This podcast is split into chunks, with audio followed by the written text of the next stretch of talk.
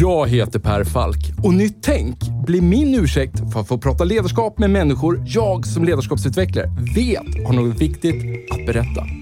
Och med tio avsnitt per säsong, varannan vecka, gräver vi därför ner oss i tekniker, principer och synsätt för att vi ska sätta fingret på vad som kännetecknar det ledarskap vi alla behöver se mer av. Och för att få de här samtalen att hända så har vi sponsorer. Först och främst min arbetsgivare Mindset, där jag och mina kollegor tar fram både små och stora ledarskapsprogram som skapar de nya beteenden som behövs för att få er strategi att hända. Allt handlar om att noga identifiera moments that matters.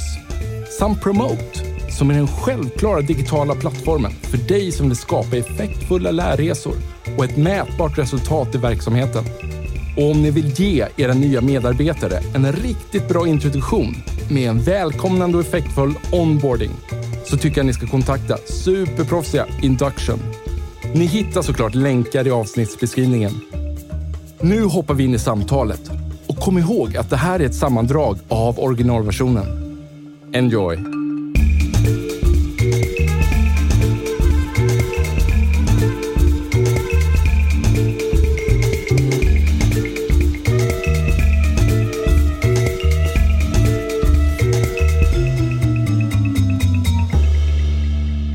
Oskar, vem är du och eh, sitta och tycka och tänka om sånt här? Jag är, heter Oskar Berg och är konsult, bor i Lund med en stor familj med sju barn eh, och eh, har varit konsult i hela mitt yrkesliv. Jobbat med digitalisering och, och eh, internet har ju varit en röd tråd genom min karriär och jag stötte tidigt på det här med virtuella team och jobba på distans. Fast mm. inte på det sättet som vi gjorde under pandemin. Utan Nej. då var det ju att utveckla satt på andra ställen. Och, så vi byggde virtuella team och ja, jag var ansvarig för produktutveckling och, och att utveckla och etablera och utveckla de här virtuella teamen. Då. Mm. Det, I början på 2000-talet. Så där någonstans föddes min, mitt intresse för det här och ins, insikten om att det är fullt möjligt att jobba eh, virtuellt. Ja. Du, eh, Låt oss prata om de här principerna som du ser framför dig för att ett team ska bli så värdeskapande som möjligt. Ja. ja. Hur ska vi ta oss an det här? Egentligen, de här principerna som vi tar upp i boken, ja. de använder vi ju till höger och vänster i olika sammanhang. Alltså ja. det här, vi, jag menar, vi vet alla, eller på, något, på någon nivå så vet vi om att ett öppet samhälle är mer konkurrenskraftigt och ja. bättre än ett stängt samhälle. Ja. Menar, eh, gamla nationalekonomer kan berätta ja. om liksom, eh, frihandel är bättre än eh, tullmurar. Så de här principerna som vi har i boken, eh, de är ju på olika sätt bevisade att de här hjälper till att skapa mer, bättre förutsättningar för samarbete. Jag tror de flesta tänker på samarbete som något som sker i ett team. Ja. Men om man tänker på vad en organisation är, alltså oavsett vad, vilken liksom storlek eller om det finns grupper i gruppen eller organisationer i organisationen, ja. så handlar den om att människor kommer tillsammans för att samarbeta kring någonting. För att uppnå något tillsammans. Så i grunden är samarbete själva ex existensberättigandet till en organisation. Ja. Alltså det är så man uppnår sitt mål. Att, Interaktioner mellan individer. Ja, och eh, att få de här, om man är lite hård då i den hårda skolan, så, eller inte pratar om soft, utan pratar hårt, så pratar om resurser. Men vi kan ju prata om människor, individer, som då behöver utnyttja varandra, så liksom, att man använder den gemensamma eh, förmågan, bygger en gemensam förmåga. En person kan inte ha allting. Det, alltså det handlar inte bara om att två händer inte räcker, alltså som det är i fabrikerna. Det behövdes ju fler händer. Ja. Men här handlar det om fler huvuden, fler idéer, fler perspektiv, fler kompetenser. Eh, och det är först när de samarbetar, det är då vi får effekt från dem. Så att just samarbete är ju någonting som sker på olika nivåer. Uh, det sker inom en grupp, det sker mellan grupper, det sker inom en organisation och det sker över organisationer. Så de här principerna som vi strax ska komma till, de gäller ju för liksom både inom en grupp, men också mellan grupper och för organisationen som helhet. Varför behöver vi principer då? Liksom, vad, ja. vad, vad, liksom... Ja, men det är väl på något sätt för att eh, just kunna fatta de här, alltså hitta de här eh, om vi går tillbaka till kulturen. Om vi ska förstå vad är det för beteenden som vi behöver jobba med? Vilka ritualer behöver vi skapa för att skapa en mer samarbetsorienterad organisation, mm. en kultur? Ja, då behöver vi någonting som hjälper oss att förstå vad en bra och vad en dålig, liksom, vad är ett bra och vad är ett dåligt beteende? Om vi till exempel här då pratar om öppenhet, så vet vi att öppenhet det ger, alltså delar du någonting så är det fler som kommer, kommer åt informationen, om det nu är information, och så kommer att använda den till slut och skapa värde för den. Så det finns liksom, ja, ökad öppenhet kommer leda till fler möjligheter att saker och ting ska, alltså att vi skapar mer värde. Då. Ja. Och då gäller det att titta på eh, olika beteenden. Är det här ett beteende som främjar öppenhet eller tvärtom? Ja. Du säger att när en grupp sätter sig ner för att utvärdera hur man jobbar, att ha principerna på plats då möjliggör att man kan ha en metadiskussion ja. som inte handlar om vilket resultat man uppnådde, ja. utan snarare hur man jobbar, hur man jobbar mm. och vad vi kan göra bättre till nästa gång. Okay. Och har vi varit true till de principer vi har satt upp? Ja. Du, om du till exempel startar ett projekt eller sätter ihop ett team som ska göra något tillsammans. Mm. Idag så, de flesta har en samarbetsplattform idag. Även om de kanske inte använder den så aktivt så har de den där för att samla möten och, liksom, eh, och mötesprotokoll och annat. Och den första frågan de ofta får när de ska skapa det här teamet är, ska den vara öppen eller stängd? Där har du en sån här, eh, där du kan applicera den här principen om du främjar den här principen och, och tänk, vill ha ett beteende som, där liksom, som skapar en öppenhet, då, då ska ju de flesta team vara öppna. Eller hur? By default. Men väldigt många tänker att ja, det här håller vi privat för det är ingen annan som behöver känna till det här. De kanske skyddar andra från den här informationen. Alltså att de tänker att nej, det är ju irrelevant för dem. Om du istället är öppen by default, alltså har ett öppet beteende, så tänker du snarare så här att Ja, har vi ett öppet team så kan ju de som vill och behöver eh, ta del av informationen. Och så har vi någonting känsligt så ser vi till att hantera det på ett säkert sätt. Ja. Det där stöter vi på dagligen. Ska jag dela den här informationen eller inte? Ska jag berätta det här eller inte? Ja. Om jag är lite djävulens advokat här, då, så här, finns det inte risk för att det blir ett jäkla massa delande? Eh, ja, eh, så kan man ju tänka det. Då ska man ju skruva åt alla kranar. Eh, se till att vi har så lite information som möjligt. Eller hur? Eller skulle man kunna tänka sig att vi har filter. Så vi sållar ut det som vi... Alltså vi får bestämma, eller vi, systemet, om vi kan ta hjälp av systemet, kan hjälpa oss att välja ut vad som är relevant för oss. Men har vi inte tillgång till informationen från början, ja, då, då vet vi inte ens om att den finns. Och då kan vi, vad har vi då för möjlighet att fatta rätt beslut? Ja. Hur tror du det kan se ut hos de här organisationerna som vi nämnde tidigare, som låg långt i framkant? Tror du det kan handla om något team som sitter i organisationsmässigt väldigt långt från ett annat team? Att de går in och börjar gräva i deras mappar? och att de börjar ändra saker, eller? Nej, men liksom... Alltså, um, att de, tror att de aktivt söker informationen på tvären i mycket större omfattning? Ja, men absolut, för du har ju inte det avståndet. Nej. Alltså har du, du kan ju sitta i Indien eller vad det nu är. Informationen du delar är ju lika långt det är lika långt till det teamet eh, i Indien, dess information, som till grann, bordsgrannens ja. information. Eller hur? Så att, eh, det, då handlar det mer om, är det här relevant för mig eller ja. inte? Ja. Och kanske också då att det gäller att här, underlätta för andra att, att, att söka i min, mitt teams information. Ja, det, det så bör man ju tänka att man inte delar information utan man, att man kommunicerar. Alltså att man, att man försöker hjälpa andra att förstå vad som händer i teamet och så vidare. Så att, att det är en jätteviktig grej och något vi är generellt sett dåliga på. Eh, vi är väldigt bra på att skapa information, alltså liksom leverera mängder, men vi, vi är inte så jättebra på kommunikation. Att tänka, vem är det som behöver det här? Hur ska jag uttrycka mig då? Och så vidare. Och kanske att också tänka det här när det inte finns någon som har begärt en viss information från början. Vad kan andra vara intresserade av att veta? som jag kanske ska berätta lite proaktivt. Ja, ja. En annan av de här principerna är transparens. Mm. Vad är skillnaden mellan öppenhet och transparens? Ja, det, det, det, låter... det är två sidor på samma mynt. transparens menar jag, det, det handlar mer om det här att se var informationen kommer ifrån. Alltså, eh, alltså jag kan ju dela någonting. Jag kan vara helt öppen med allting, men lägger jag det i en sjö liksom, där det inte går att koppla till vem är det som har delat det här, var kommer det ifrån? Eh, att det är jag, att man kan ta reda på min information om mig, eh, att man vet om när det delades. Ja, då, då vågar man inte fästa så mycket tillit till informationen. Så transparensen handlar ju om att, eh, liksom, att kunna se ner, var kommer det här ifrån? Eh, och, och liksom vara i källan. Spårbarhet. Spårbarhet. Ja. Alltså för på något sätt, du kan se de här i sociala medier, fungerande sociala medier. Ja. Och även liksom, då är plattformarna men också hur man beter sig i linje med principen, om man säger så. Ja. Att man är öppen och man delar. Ja. Alltså man bara, liksom, där kan man ju prata om att man delar sånt som är för mycket ibland. Men där går det också med filter på andra sätt att, att eh, filtrera fram information. Transparensen, ja. att man vet vem som delar. Det där är en intressant tanke. Så att ett, ett mänskligt beteende som redan finns när vi är oreglerade. Mm vill du få in ja, i, i, en länge. företagsvärld. Ja, och då, ja. då stöter man ju på det här med att ja, i, i sociala mm. medier så kanske man, man kanske inte har gemensamt syfte och mål som man har i en organisation. Så vilket, som borde, vilket borde göra att man är mer öppen och delar och är mer transparent och så vidare. Men vi Men, formerar just där också. Ja, och man är med i ett community. Man får, någon, alltså man får mm. andra värden. Och man känner inte samma, generellt sett samma konkurrenssituation eh,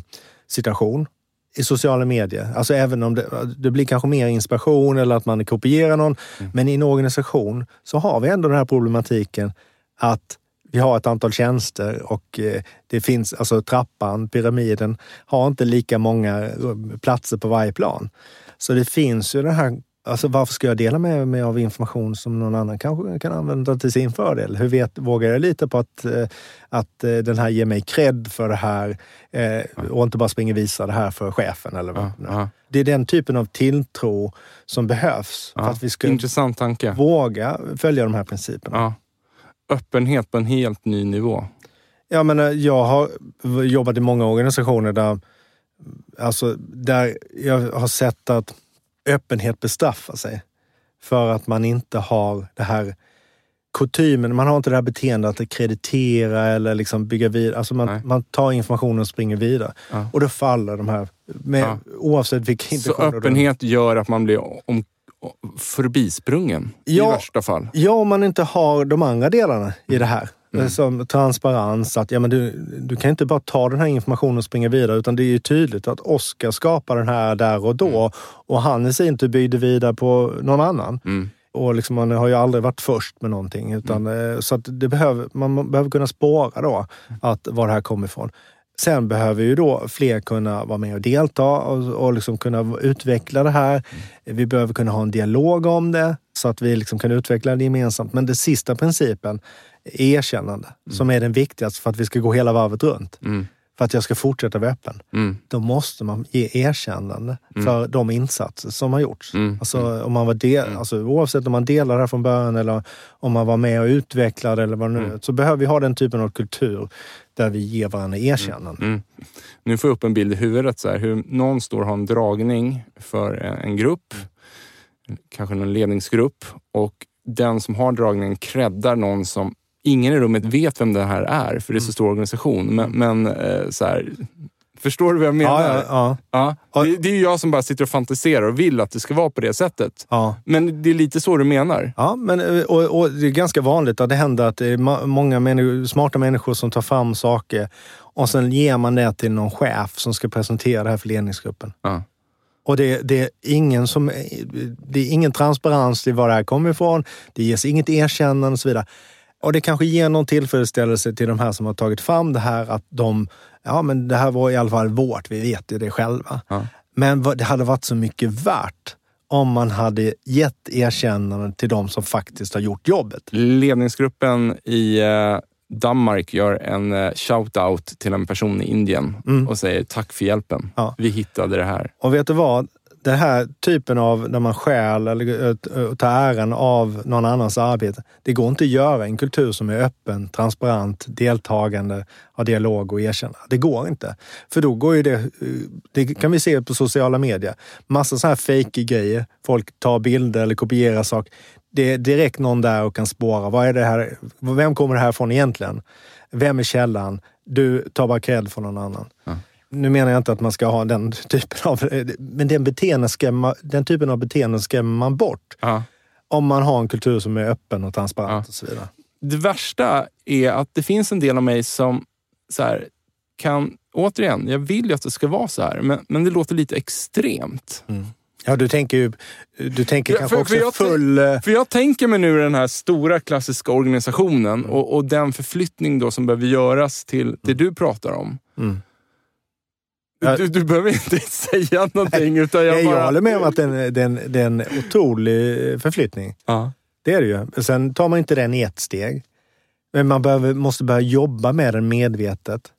Eh, och det kan vara sådana små enkla saker vi pratar om, de här ritualerna. Som så småningom, alltså grejen är att det är skrämmande. Många upplever det som skrämmande för att de inte sett nyttan med det.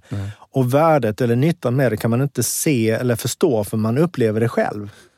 Och därför väljer man att inte göra någonting. Men om man tar de här pyttestegen då, eller, bara, Ja. då, eller kanske i en kontrollerad miljö, i ett team eller lite mindre Ja. grupp. Ja, men då kanske Va, man kan... Vad skulle ett pyttesteg kunna vara? Ja, men det är ju till exempel det här med, jag menar, i, i, i vissa organisationer, eller i många organisationer, så har inte alla profilbilder. Nej. Alltså sådana enkla saker. För att få bara ett ansikte Ja, för det är på, jätte, käll, på grundkällan. Det är jätteviktigt för oss att få ett ansikte på en annan människa. Om vi ska liksom våga ta kontakt eller liksom uh, ställa nästa fråga eller, eh, liksom, eller lita på informationen. Mm. Så att det är ett sätt. Sådana små saker kan man göra för att eh, öka eh, öppenhet och transparens. Ja. Du har en så lysande formulering i din bok som säger så här, från förändringar till ritual. Mm. Ja, vad menar du med det? För jag, jag tycker den är själva kärnan på vad en beteendeförändring handlar om och hur en kultur skapas. Ja, eh, just att man måste ta ner det från den här höga, alltså den här abstrakta nivån som den ofta får va- vara kvar på. Och, och så kan man liksom lämna den därhän. Utan vi måste titta på hur kan vi omsätta de här värderingarna och attityderna som vi vill ha i dagliga handlingar. Och, och ritualer är ju någonting man gör upprepat. Mm. Och vill vi förändra någonting, då måste vi få till en beteendeförändring. Och då krävs det, som man säger, 90 dagar eller mer av, av en, eh, ett upprepat beteende för att vi ska automatisera det. Ja. Och då behöver vi den här typen av ritualer. Borsta tänderna är ju en För ritual. att det är beteendet som styr värderingen Ja. och inte tvärtom. Nej. Ska man förändra någonting så är det ju genom våra beteenden. Så det är helt rätt. Man kan, det är svårt att ändra sina attityder eh, och inte beteendena hänger med. Ja. Konversation, Mm. vad innebär det? Ja, Det är en annan av de här ja principerna. nej, men konversation, det, handlar ju om eh, den här tvåvägskommunikationen. Så när du och jag här, här och nu, vi sitter över ett bord och kan prata. Vi har samma förutsättningar att, att prata. Alltså eh, tekniskt sett, miljömässigt. Och sen kan det ju naturligtvis bero på ens egen förmåga. Men vi har ändå, alltså spel, eh, spelplanen är jämn. Eh, och vi kan ha det här utbytet och då är det mycket lättare att komma till en gemensam förståelse kring någonting. Att liksom snabbt fram och tillbaka bolla saker eller ställa frågor och, och, och ge svar. Och det kan ju ställas då till det här eh, mer eh, traditionella sättet att kommunicera organisationer där man har redan tagit, eller man har tagit fram information som sen ska bara förmedlas och exekveras på och sen ska man följa upp att det verkligen skedde det man ville skulle ske. Mm. Och det har inte varit praktiskt möjligt att ha konversationer mellan människor i en nej. större organisation. Och det blir bara en kakafoni av allting. Men med digitala hjälpmedel så kan vi ändå ha en kon- konversation i liksom eh, jättestor skala mellan människor, direkt mellan en eh, alltså statsöverhuvud och en eh, bonde. Nej, men alltså, vi kan verkligen kapa de avstånden och det är inte bara den som är närmast runt liksom, ledaren som kan ha den här konversationen utan i princip vem som helst. Ett viktigt begrepp som vi eh, pratar om och skriver om i boken är upplevd närhet. Eh, Och eh, det, det är lite grann för att kunna ta håll på den här myten om att eh, bara för att vi är fysiskt nära varandra så är vi nära varandra. Alltså, du och jag kan vara i samma rum och ändå känna att, att vi har ett avgrundslikt avstånd mellan varandra. Alltså det beror mycket på hur vi kommer in med, i rummet med beteenden och hur vi kommunicerar med varandra och så vidare. Eh, omvänt då så kan man faktiskt vara på andra sidan jorden och, och kommunicera med varandra och känna en enorm närhet till en annan människa. Och då var helt, alltså var villig att, dela med sig av saker som man aldrig skulle dela med sig av. Vi, vi, vi tar för givet att, att kanske att bara för att vi sitter fysiskt tillsammans så känner sig folk sedda. Ja, Eh, Så här, vi bara tror att det är Men så. Men, man- men, men behöver inte alls vara så. nej, men bara vi har ett kontor och alla går dit så kommer vi samarbeta. Och då kommer vi vara innovativa och vi kommer bygga en kultur som är bra och så vidare. Eller att vi kommer bygga en kultur. Det är ingenting som säger att det kommer bli så. Utan vi måste, det är som a tool with a fool. Eh, alltså, det räcker inte med bara en hammare, vi måste veta hur vi använder den också. Eh, så att på det sättet är ju kontoret ett verktyg. Precis som, eller ett media eh, där vi, som vi kan använda för att kommunicera och interagera med varandra och så vidare, bygga kultur. Eh, och, och, det är ju samma sak med digitala verktyg. Alltså det är också ett media som vi också behöver använda medvetet för att kunna uppnå det vi vill uppnå. Och tanken här då att vi har mycket lättare att kommunicera och interagera med varandra och samarbeta när vi upplever att vi är nära varandra. Mm. Alltså när vi upplever att vi, vi har inte så mycket som skiljer oss åt. Alltså vi, vi, vi förstår varandra. Mm. Så då gäller det att skapa den här närheten. Och det kan man göra fysiskt, på olika sätt. Men man kan även göra det digitalt. Och fördelen med det digitala är att vi inte måste flytta alla till samma rum. Nej. Det är praktiskt hur, omöjligt. Och, och 10 000 kronors frågan då? då? Hur, hur, gör vi det? Det handlar ju om att synas och det här vi pratar om öppenhet och så vidare. Att, ja. att bara, bara andra ser och, och liksom vad jag delar och så vidare. Många av dem man följer på sociala medier, skulle du träffa dem i verkligheten så skulle du känna att där, jag känner ju den här personen. Ja. Eller hur? Alltså, utan att du aldrig haft ett möte med den personen. Och det är för att ni på något sätt byggt en relation, en närhet eh, med varandra. Kanske bara ensidigt där. Då. Men det här kan vi ju göra tvåsidigt och eh, i en organisation. Ja.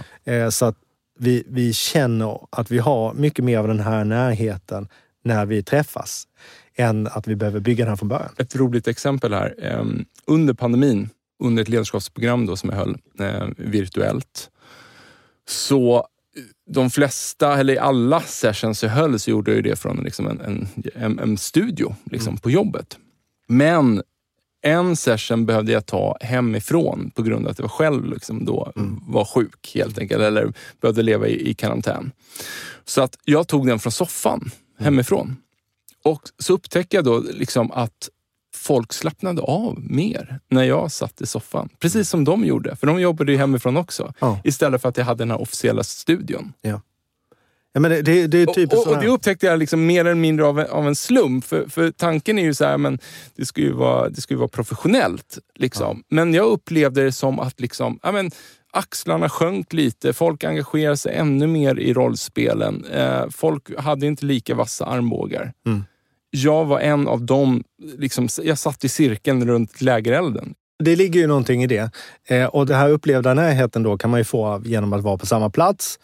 Vilket kan då bli ett argument mot att jobba på distans. Eh, att om man sitter distribuerat och inte träffar varandra. Kan du... men grejen är att Eh, vi kan övervinna det här fysiska avståndet idag. Ja. Vi kan övervinna de andra avstånden också. Organisatoriska avstånd också, för det är ofta knutet till fysiskt avstånd. Ja. Men, det, men det du nämnde, det är andra typer av barriärer som vi bygger upp.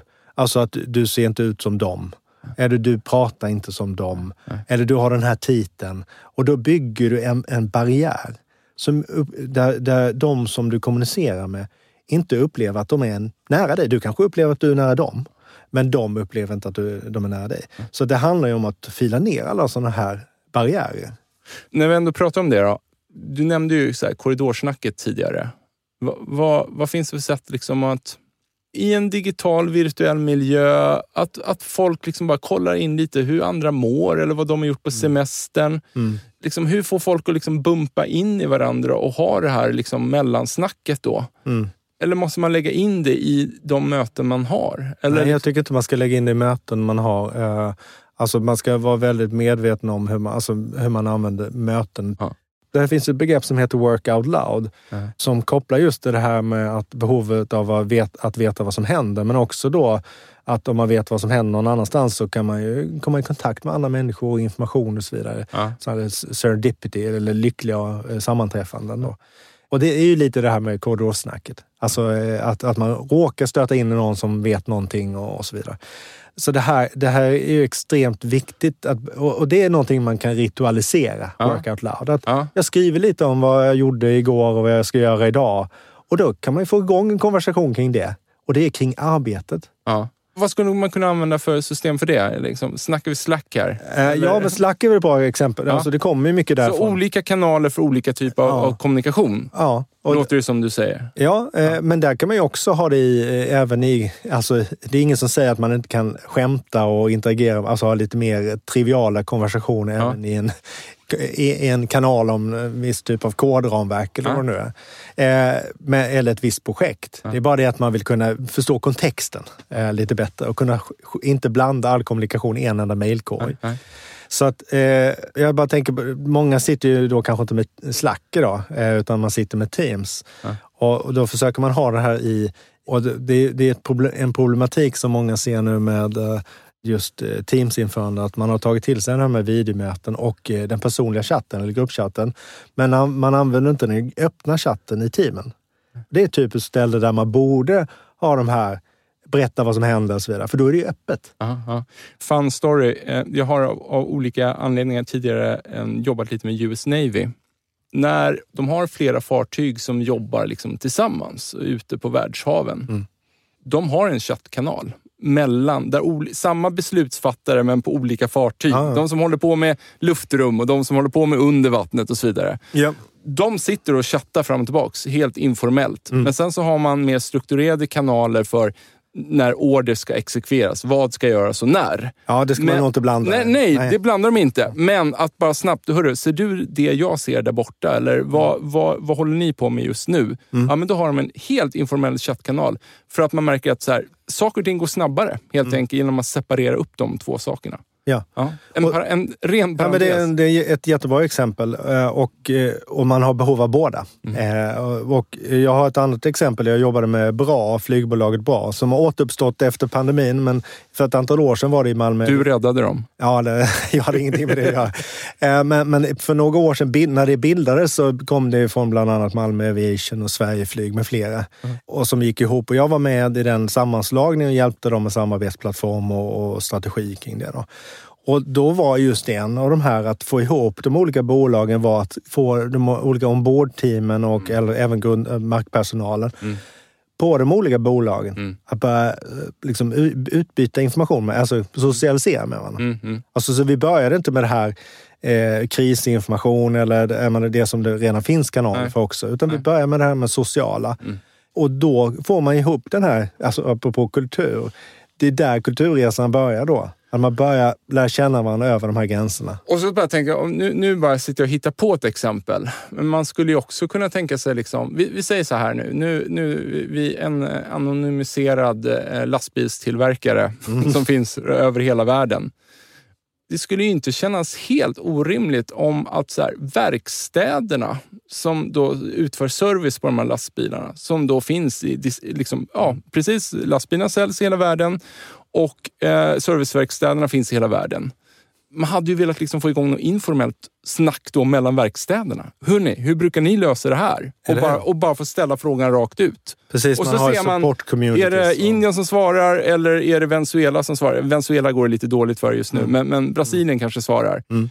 Ja, och jag hittar ju bara på nu. Ja, men det, exakt, men, men det, det, känns som att det är ju det du men, menar. Det är så att... det funkar. Alltså, i, i nu, vi kan ta det här med AI-utveckling och utvecklare och andra mm. som håller på att utforska det. De sitter i grupper från he över hela världen i Discord och andra verktyg ja. och utbyter erfarenheter och testar grejer tillsammans. Ja. Alltså, och de kommer från helt olika ställen, olika eh, organisationer och så vidare. Intressant. Och där sker en enorm utveckling. Mm. Jag har ett annat exempel. Just i... Det blev ju så under pandemin precis i början också. Att ja. läkare runt om i världen ja. Eh, började helt informellt det eh, så... bara dela med sig. Hörrni, så här, ni kommer träffas av det här om två veckor. Yes. De erfarenheter vi dragit är X, Y, Z. Som... Eh, ni, kommer inte, ni måste agera nu för ni kommer inte hinna med. Ni kommer inte fatta vad som har hänt. Det är precis de informella nätverken där, eller samarbetena, var ju det som gjorde att vi kunde svara mm. snabbt på, på, i den här mm. krisen. Det var inte myndigheternas Nej. kommunikation mellan varandra och så mm. vidare. Mm. Det här formella kommunikation, kommunikationen. Utan det är ofta kriser och, och det, det ökar ju behovet av den här typen av direkt kommunikation, snabb kommunikation ökar ju eftersom världen blir mer och mer komplex. Vi måste fatta beslut snabbare där och då. Ja, och då kommer vi tillbaka till det här, då, eh, så här den första på den här hypotetiska eh, lastbilstillverkaren då, som sitter på en serviceverkstad, den första då som börjar göra något trevande försök. Hörrni, Brasilien, så här, hur brukar ni göra det här? kommer ju kännas lite dum precis där i början. Och det här kommer kännas, fan, de kommer ju tycka jag är värsta idioten här mm. nu. Och då kommer vi tillbaka till det här med hur, hur värderingar skapas. Liksom, att så här, ja. börja gör. Ja, och, och man kanske behöver lite stöd. Om vi, tänker, vi har ju kommunikationsstrukturer i de flesta företag som är hierarkiska. Ja. Alltså, och där är ju chefer och andra som är ansvariga för att se till att kommunikationen fungerar uppåt och neråt inom gruppen. Ja. Varför kan vi inte ha personer som är ansvariga? Det finns det ju i, många företag har man ju community managers och andra, men det är väldigt många företag, man inte, organisationer, man inte har det. Alltså någon som faktiskt har som sitt jobb för att facilitera kommunikationen och se till att liksom, ja, put, knuffa på och, och liksom uppmuntra och liksom skapa den här kulturen. Eller vara med och, och i alla fall Fascinerande facilitera tanke. fram den. Ja. Du, du tar ju, så här, med respekt för nu, så att jag förstår att jag har inte skrivit en bok och hade jag skrivit en så skulle jag säkert inte komma ihåg allt jag har skrivit. Nej, det har inte, gör inte jag heller. Men du tar, jag blev väldigt glad för du tog faktiskt upp i din bok eh, en av mina idoler, General Stanley McChrystal. Mm, mm. Ja, kommer du ihåg honom? Teams of Team. Ja. Ja, kan inte du bara snabbt, för jag börjar tänka på honom här nu med det du pratar om AI-forskarna och hur de sitter och liksom på Discord och bara, har ni provat det här och jag gjorde det här. Mm. Vad var hans grej och varför tog du upp honom i mm. boken? Ja, men det är, det är för att eh, han, det finns, vi har tagit upp flera exempel faktiskt som kom från militären på nya sätt att organisera sig och leda där som eh, egentligen bygger på att det är en sån komplex värld så att vi kan inte toppstyra utan vi måste få autonoma team som kan fatta beslut själva.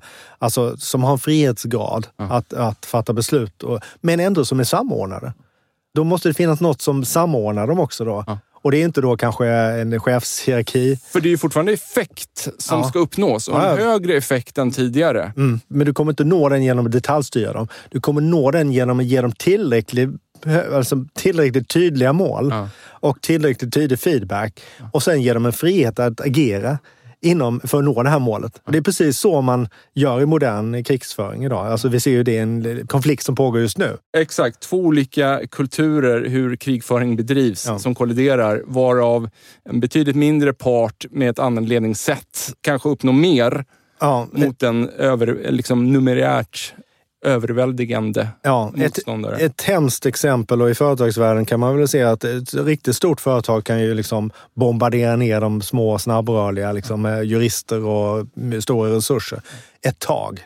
Men det kommer bara nya, nya och nya som är det här som är så agila och snabbrörliga. Så det är liksom det är en lönlös kamp. Det enda sättet att överleva det här är ju att bli som dem. Ja. Att bli snabbrörliga. Bli det här istället för att, och är man ett stort företag, en stor organisation, så behöver man ju se till att skapa många team som tillsammans fungerar som ett team. Det är, det är egentligen det som är grunden i, i eh, den här eh, Team och Teams. Hans bok där. Han skulle ju liksom reformera något som heter JSOC mm. i USA som då liksom samordnar deras specialförband och för att liksom ta sig an al-Qaida i Irak. Och då mm. märkte de rätt snabbt att de, de tog för beslut för långsamt helt enkelt. Ja. Och han märkte också liksom att hans sätt, in, hur han intuitivt ville lösa de problem de, de sattes inför, liksom stämde inte överens hur hans yngre kollegor vill, intuitivt ville lösa någonting. Och det handlade om att här plötsligt så har du med de här specialförbanden så har du även avdelningar med, med hackers. Mm. Du har folk som håller på med forensic, mm. det vill säga så DNA och fingeravtryck och så vidare. Och allt det här skulle liksom samordnas. Och han kom till slutsatsen att så här, men, så här, det är en helt ny generation chefer under mig som är inne. Jag står bara i vägen för dem. Mm. Och han uppmuntrade egentligen självgående team att sök kontakt med de team inom organisationen som ni tror kan hjälpa er och gör det självständigt. Mm. Jag röjer undan liksom han, alla hinder runt omkring er. Han blir den här trädgårdsmästaren som man pratar om. Istället för att vara den här som bestämmer och styr allt så är det den som faciliterar och skapar förutsättningar. Och jag tycker också han var väldigt bra på att liksom, han var liksom noga med att säga så här, det här handlar inte om att vi inte är professionella. Det här handlar inte om att vi inte har kunskap. Det är bara att vi måste bara förändra våra beteenden och vårt arbetssätt mm. för att bli snabbare än motståndaren. Så mm. de reagerar på oss istället för att vi reagerar på dem. Ja, och där kommer det verkligen, i, i de här situationerna, i kriser, krig och även nu i liksom affärslivet. Alltså, så det, här, det handlar om att få största möjliga effekt med de resurser man har och få tillgång till så många resurser som möjligt. Så eh, som en företagsledare kan jag inte förstå att man inte tänker så och tittar där ute. Vad är det då som är, idag ger mig bäst förutsättningar och framåt ger mig bäst förutsättningar att vara bäst presterande? Du nämnde ett experiment som, eh, vilka var det? Salesforce ja. gjorde det. Asynchronous Week. Ja, vad var det? De förbjöd ju mer eller mindre att ha möten.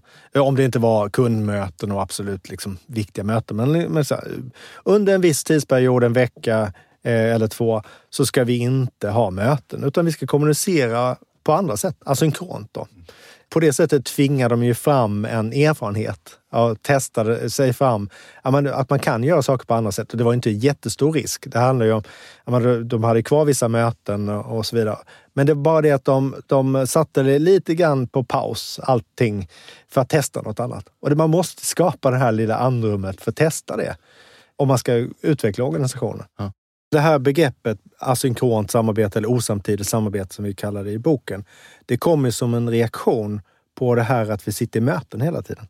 Alltså, eller att vi ringer varandra eller att vi på olika sätt kommunicerar i realtid med varandra som gör att vi binder upp varandras tid och, och blir upplåsta och har mindre och mindre tid att göra saker mellan mötena och mellan telefonsamtalen. Så det här med osamtidigt samarbete handlar om att förflytta arbete från de här mötena, telefonsamtalen. Alltså mycket av de här vi gör i mötena och samtalen är ju information. Alltså vi informerar varandra. Tar vi bort det ur mötena och gör det här asynkront eller osamtidigt. Alltså jag kan lägga ut någonting, ett inlägg, skriva det på morgonen. Ja. Någon annan kan läsa det när de vill under dagen. Mm. Vi måste inte samlas i ett möte på morgonen. Då frigör vi ju tid till att ja, jag, jag, kan planera min tid, andra kan planera sin tid mycket mer och vi kan använda mötena till de tillfällen eller för de ändamålen vi verkligen behöver samlas. Så att vi både gör, gör så att vi skapar mer utrymme för annan typ av arbete, annan typ av samarbete då, och skapar mer tid för att vi ska ha bättre möten. För vi hinner ju inte med att planera mötena, eller hur? När vi har så mycket möten, utan då blir det bara möte på möte på möte. Så att innehållet, effektiviteten i de här mötena blir också sämre och sämre eh, med tiden. Stort tack för att du tog dig tid att komma förbi, Oskar. Och självklart lägger vi in en länk till din bok Digitalt samarbete. Så skapar vi morgondagens organisationer. Och som du också har skrivit tillsammans med Henrik Gustafsson. Så vi ger honom cred för det. Ja, han ska också ha lite av äran. Ja. Tack för att du kom. Hörni, tack till våra sponsorer Mindset, Promote samt Induction för att ni tror på den här produktionen. Ta hand om er.